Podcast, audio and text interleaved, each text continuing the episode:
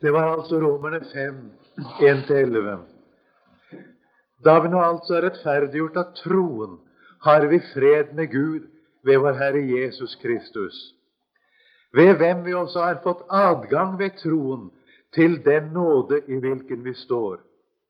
Og vi roser oss av håp om Guds herlighet. Ja, ikke bare det, men vi roser oss også av våre trengsler, da vi vet at trengselen virker tålmodighet, og tålmodigheten et prøvet sinn, og det prøvede sinn håp, og håpet gjør ikke til skamme, for Guds kjærlighet er utøst i våre hjerter ved Den hellige ånd, som er oss gitt. For mens vi ennå er syndere, mens vi ennå var skrøpelige, døde Kristus til fastsatt tid for ugudelige. For neppe vil noen gå i døden for en som er rettferdig. For en som er god, kunne kanskje noen ta seg på å dø. Men Gud viser sin kjærlighet mot oss derved at Kristus døde for oss mens vi ennå var syndere. Så meget mer skal vi da, etter at vi er rettferdiggjort ved Hans blod, ved Ham bli frelst fra vreden. For ble vi forlikt med Gud ved Hans Sønns død da vi var fiender, skal vi så meget mere bli frelst ved Hans liv etter at vi er forlikt. Ja, ikke bare det, men vi roses også av Gud ved vår Herre Jesus Kristus, ved hvem vi har fått forlikelsen. Amen. Det legger merke til at her står vi ved en konklusjon på noe. Da vi nå altså, står det. Altså betegner alltid en konklusjon at det trekkes en slutning av noe som er sagt før. Og det som det her trekkes en slutning av, er det som er sagt i kapittel 3, 21 og utover, om rettferdiggjørelsens grunnlag, og det som er talt i kapittel 4 om troen. Vi kan jo si om hele dette avsnittet av Romerbrevet 3.21-5.21 at det på en særskilt måte handler om rettferdiggjort av troen. I kapittel 3, 21-31 kan du sette en strek under 'rettferdiggjort'. I kapittel 4 kan du sette en strek under 'av troen'. Rettferdiggjort av troen, med strek under 'av troen'. Her i kapittel 5, 1-11 kan vi si det handler om rettferdiggjort av troen og sette en strek under alt sammen. Det begynner altså som sagt med å trekke en konklusjon som lyder slik David nå altså rettferdiggjort av troen. Det står i grunn fremhevet for å betegne motsetningen til da det altså ikke er ved gjerninger, da det ikke er på grunn av noe vi må være, ikke på grunn av noe Gud krever av oss, ikke på grunn av noe vi må prestere eller fullbyrde, ikke på grunn av overhodet noen som helst betingelse som Gud har satt. Da det altså overhodet ikke er på grunn av oss, men det er på grunn av troen, har vi fred med Gud. Det betyr å ha en ordnet sak med Gud. At det er blitt riktig mellom Gud og meg. Vi kan i Det nye testamentet si det tales om to slags fred i vårt forhold til Gud. Det er det som her altså er karakterisert som fred med Gud. Det står egentlig i grunnteksten 'fred' i retninga, eller med henblikk på, vårt forhold til Gud. Det er det ene. Det andre er det som f.eks. står i Filippenserbrevets fjerde kapittel. Guds fred, som overgår all forstand, skal bevare deres hjerter og deres tanker i Kristus Jesus. Altså en hjertets fred en indre harmoni i hjertet. Men vi må være klar over at denne indre hjertets fred alltid er en virkning av den fred det er tale om her i Romerne 5.1. Det å vite at jeg har det rett med Gud. Når det er altså et spørsmål om hvordan skal jeg få det rett med Gud, så er det et spørsmål om jeg har fattet tillit til Jesus. Det er et spørsmål om jeg har hørt hva Gud forteller meg hva Jesus har gjort. Gud forkynner meg at Jesus han tok ansvaret for alle mine synder. Alt hva jeg har vært, hva jeg har gjort, hva jeg har opplevd, hva jeg har følt og tenkt og ment, og ikke minst alt hva jeg har forsømt. Det tok Jesus på seg. Han var der i mitt sted. Han sto for Guds ansikt med dommen over seg over min synd og over din synd. Og den dom som loven feller over vår synd, den ble eksekvert på vår stedfortreder Jesus Kristus. Det sier Guds ord meget klart. Like klart sies det at alt det som Jesus i sin egen person har gjort og er, det gjelder også oss. Han er i seg selv fullkommen etter loven. Han holder mål. Han virkeliggjør Guds idé og plan med mennesket. Vi ser f.eks. i Hebrebrevets annet kapittel hvordan Salme 8, som er en salme om Guds idé og plan med mennesket, hvordan den virkeliggjøres på Jesus Kristus. Han er menneske, slik som mennesket skal være. Og merk deg, er det istedenfor deg og meg, på dine og mine vegne, og det gjelder for deg og meg. Den som forkynner dette, det er Gud selv. Der hvor dette blir oss forkynt, slik at vårt hjerte fatter tillit til det, der er et menneske kommet til tro. Troen er, som kapittel 4 viser, intet annet enn det at et menneske stoler på Gud. Vi ser det ikke minst i kapittel 4, vers 3, der det står om Abraham. Abraham trodde Gud. Der står Gud ikke som objekt for troen, men det står som en hensynsledd, som uttrykk for at den tro det dreier seg om, er en hjertets tillit og fortrøstning på Gud selv. Et meget sterkt uttrykk. Abraham trodde Gud, og det ble regnet ham til rettferdighet. På samme måte er det der hvor det altså vekker mitt hjertes tillit, mitt hjertes fortrøstning, tross alt, at jeg har en stedfortreder som har tatt min synd, og en som gjelder for meg overfor Gud. Der har jeg min sak med Gud i orden fordi jeg tror på Jesus, ikke av noen annen grunn. Jesus har ordnet min sak. Og ved troen på ham er det blitt mitt. Der er intet som skiller, intet som stenger, intet som skal bli annerledes i mitt forhold til Gud. Og det skal du merke deg, det gjelder fra troens første øyeblikk. Det kan godt være det når et menneske kommer til troen, at det kan være meget Gud skal rette på i vårt liv. Det er det alltid.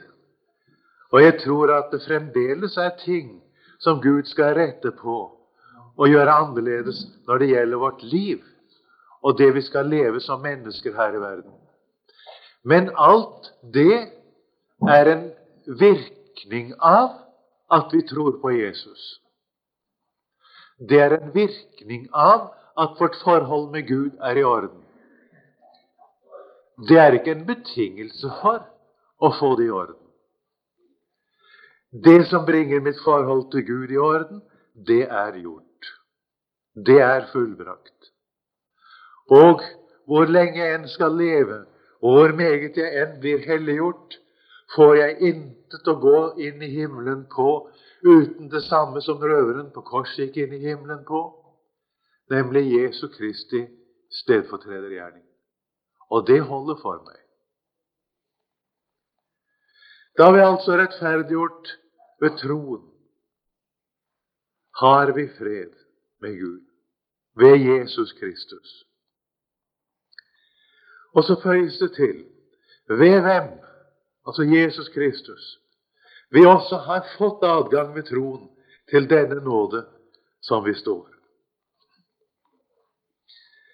Det er ikke alene det at jeg har fått alt dette i Jesus, men i Jesus har jeg også fått adgang til å tro på det, hvis du skjønner hva jeg mener. Det var det som hjalp meg da jeg kom til Jesus første gang.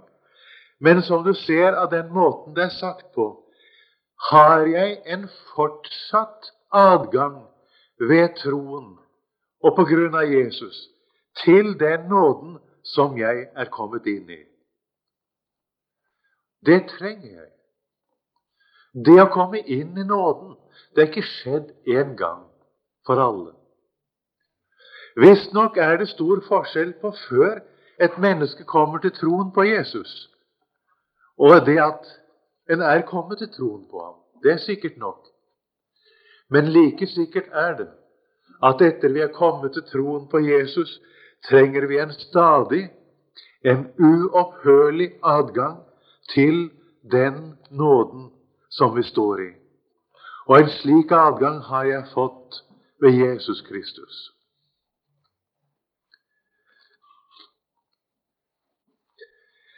Jeg kunne ha lyst til også, i sammenheng med dette vers 2, nevne dem som har vært kristne og kommet bort fra Jesus, og så atter blir vakt opp igjen til å vende om.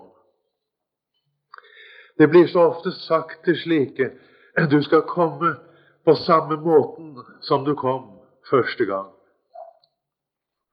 Men vanskeligheten er den, vet du, at ingenting er på samme måten som det var første gang. Alt vil føles annerledes. Alt vil virke annerledes. Det som er vanskeligheten for en som har vært en kristen, er kommet bort, sløvnet hen, og så vekkes opp og kommer tilbake. Det er nettopp Han kjenner seg så forferdelig kold og dø innvortes.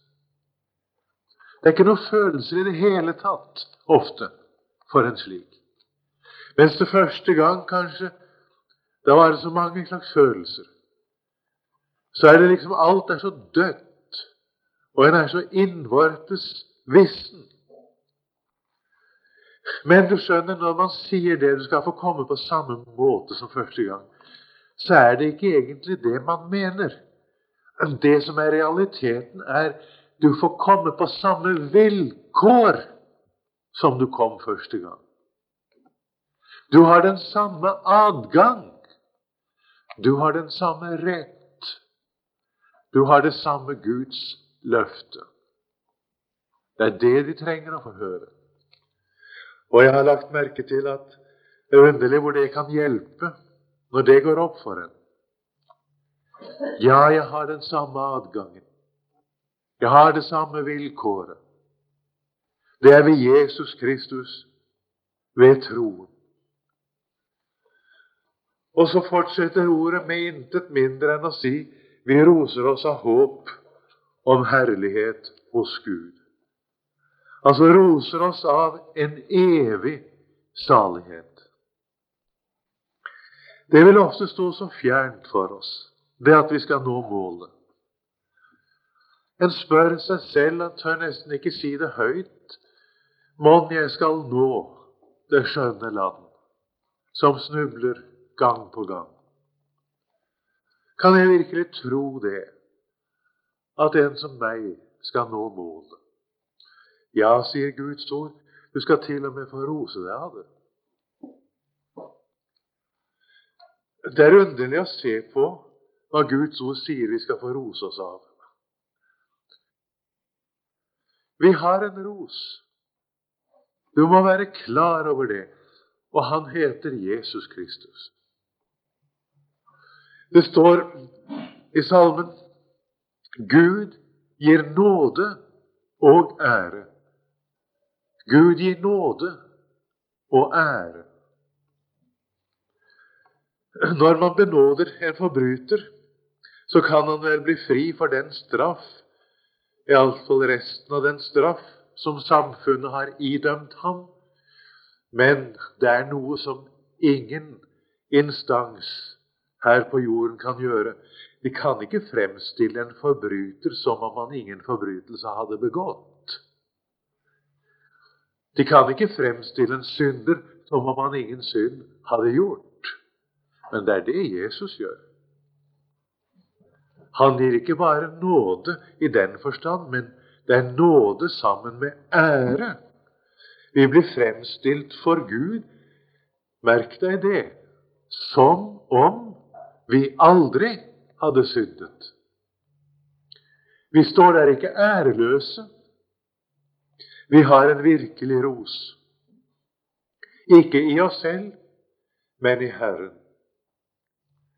Derfor kan vi rose oss av håp om herlighet hos Gud.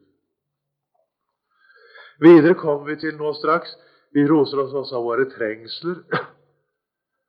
Og du hører apostelen sier det i 1. Korintene 12, er det vel? Jeg vil, 2. Korintene mener jeg, jeg vil helst rose meg av min skrøpelighet. Det er to ting som en kristen ikke må rose seg av. Jeg må ikke rose meg av mine opplevelser. Det er farlig. Jeg må heller ikke rose meg av det som Gud bruker meg til. Det er også farlig. Men legg merke til at de to tingene er vi så tilbøyelige til å ville rose oss av. Det vi får oppleve, og det som Gud bruker oss til. Det skal ikke mye av den rosen til før vi avsporer. Den rosen advares vi imot. Vi advares like mye mot den som vi advares imot å rose oss av våre egne egenskaper. Vi advarer, vi advares mot å rose oss av det som vi har fått av Herren, både som personlige egenskaper, som åndelig utrustning, som lys i Guds ord, som det å bli brukt til å hjelpe andre, eller hva som helst som Gud gjør og virker i oss og gjennom oss. Men én ros får jeg lov å ha, og det er den at jeg har Jesus. Jeg får lov å rose meg av det som Jesus har gjort. Det som Jesus gjelder for. Så får jeg lov å rose meg av håp om herlighet hos Gud. Og så får jeg lov å rose meg av, som det står videre Ja, ikke bare det, men rose oss også av våre trengsler. Fordi vi vet noe som vi forresten har lett for å glemme men som vi bør vite, at trengselen, det som gjør veien trang, ufremkommelig, det virker tålmodighet. Egentlig står der standhaftighet, utholdenhet, i å klynge seg til Guds løfter. Og denne tålmodighet, denne standhaftighet og utholdenhet i å klynge seg til Guds løfter virker igjen et prøvet sinn, vil si et sinn som har opplevd at løftet holder. Og dette prøvede sinn virker igjen håp. Det er underlig når du oppdager du trodde ikke forgjeves på et løfte. Det gir deg håp. Og håpet gjør ikke til skamme, fordi Guds kjærlighet er utøst i våre hjerter ved Den hellige ånd som er oss gitt. Det er Den hellige ånd, nemlig, som har forklart oss Guds løfter. Og nå skal du merke deg Guds kjærlighet som er utøst i våre hjerter, betyr den kjærlighet som Gud elsker oss med. Det er den som kommer til våre hjerter når Guds hellige ånd begynner å forklare ordet for oss. Derfor gjør håpet ikke til skamme. Mens vi ennå var syndere, Lenge før vi tenkte på å søke Gud, altså. døde Kristus til fastsatt tid for ugudelige. Et merkelig ord. Det er sagt for å gjøre det klart hvor aldeles uavhengig av oss denne Guds kjærlighet er. Dessuten så er det jo så neppe vil noen gå i døden for en som er rettferdig. Om vi hadde vært rettskaffende og rettferdige, så ville neppe noen gå i døden av den grunn. Kanskje kunne noen ta seg på å dø for en som er god. Det, det hender kanskje. Men så kommer det Gud viser sin kjærlighet mot oss derved at Kristus døde for oss mens vi ennå var syndere.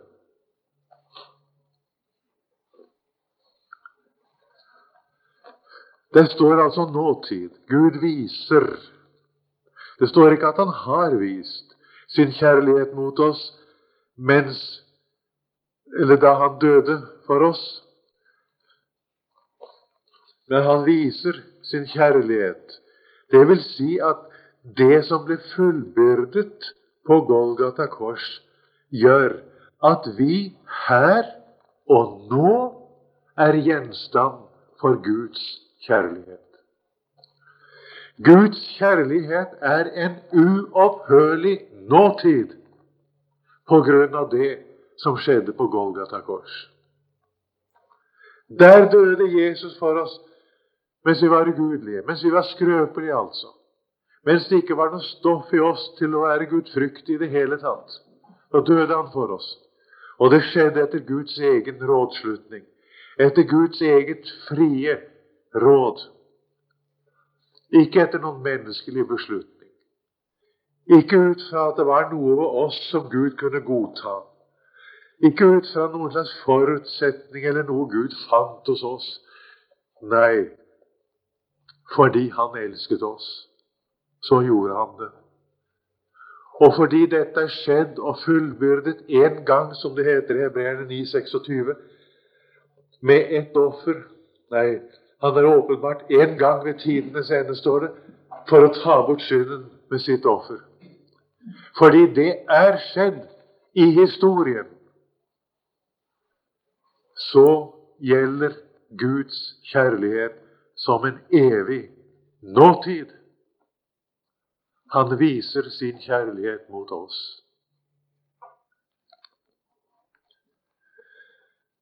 Og da skjønner vi den konklusjonen som trekkes videre.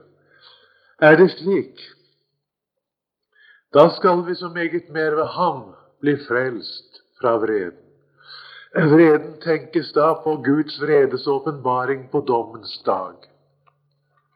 Den skal vi bli frelst fra. For så sant vi ble forlikt med Gud ved Hans Sønns død da vi var fiender, så skal vi så meget mer bli frelst ved Hans liv etter at vi er blitt forlikt.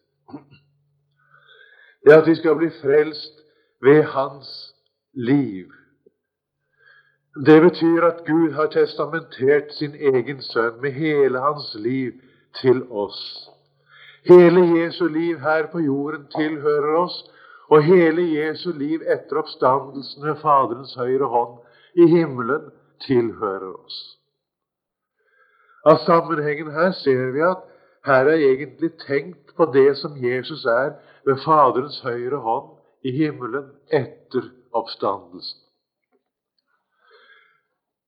Forsoningen er fullbyrdet en gang for alle, som det står i Hebreerne 10. For med ett offer Det er vers 14. Hebreerne 10, 14. For med ett offer har han for alltid gjort dem fullkomne som blir helliget. Det har skjedd en gang for alle. Så forsoningen er fullbyrdet.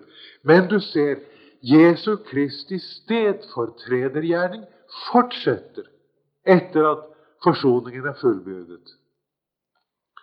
Jesus åpenbares der ved Faderens høyre hånd som din og min representant.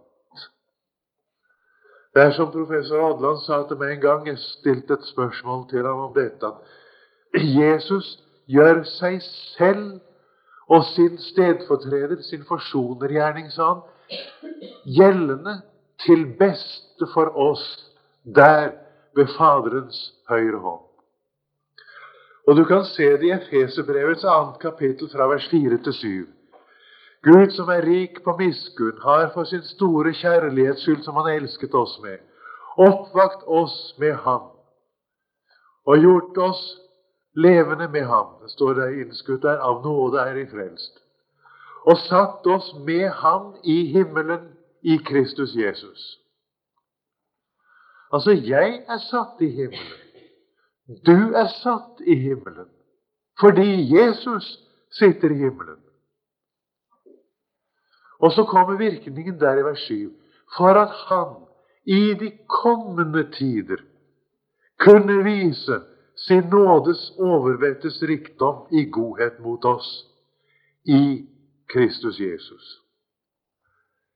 Når det er spørsmål om jeg fortsatt får være Guds barn, om jeg fortsatt får eie syndenes forlatelse, om jeg fortsatt kan komme frem for Gud med min bønn om de samme ting, så svarer den svarer det ja.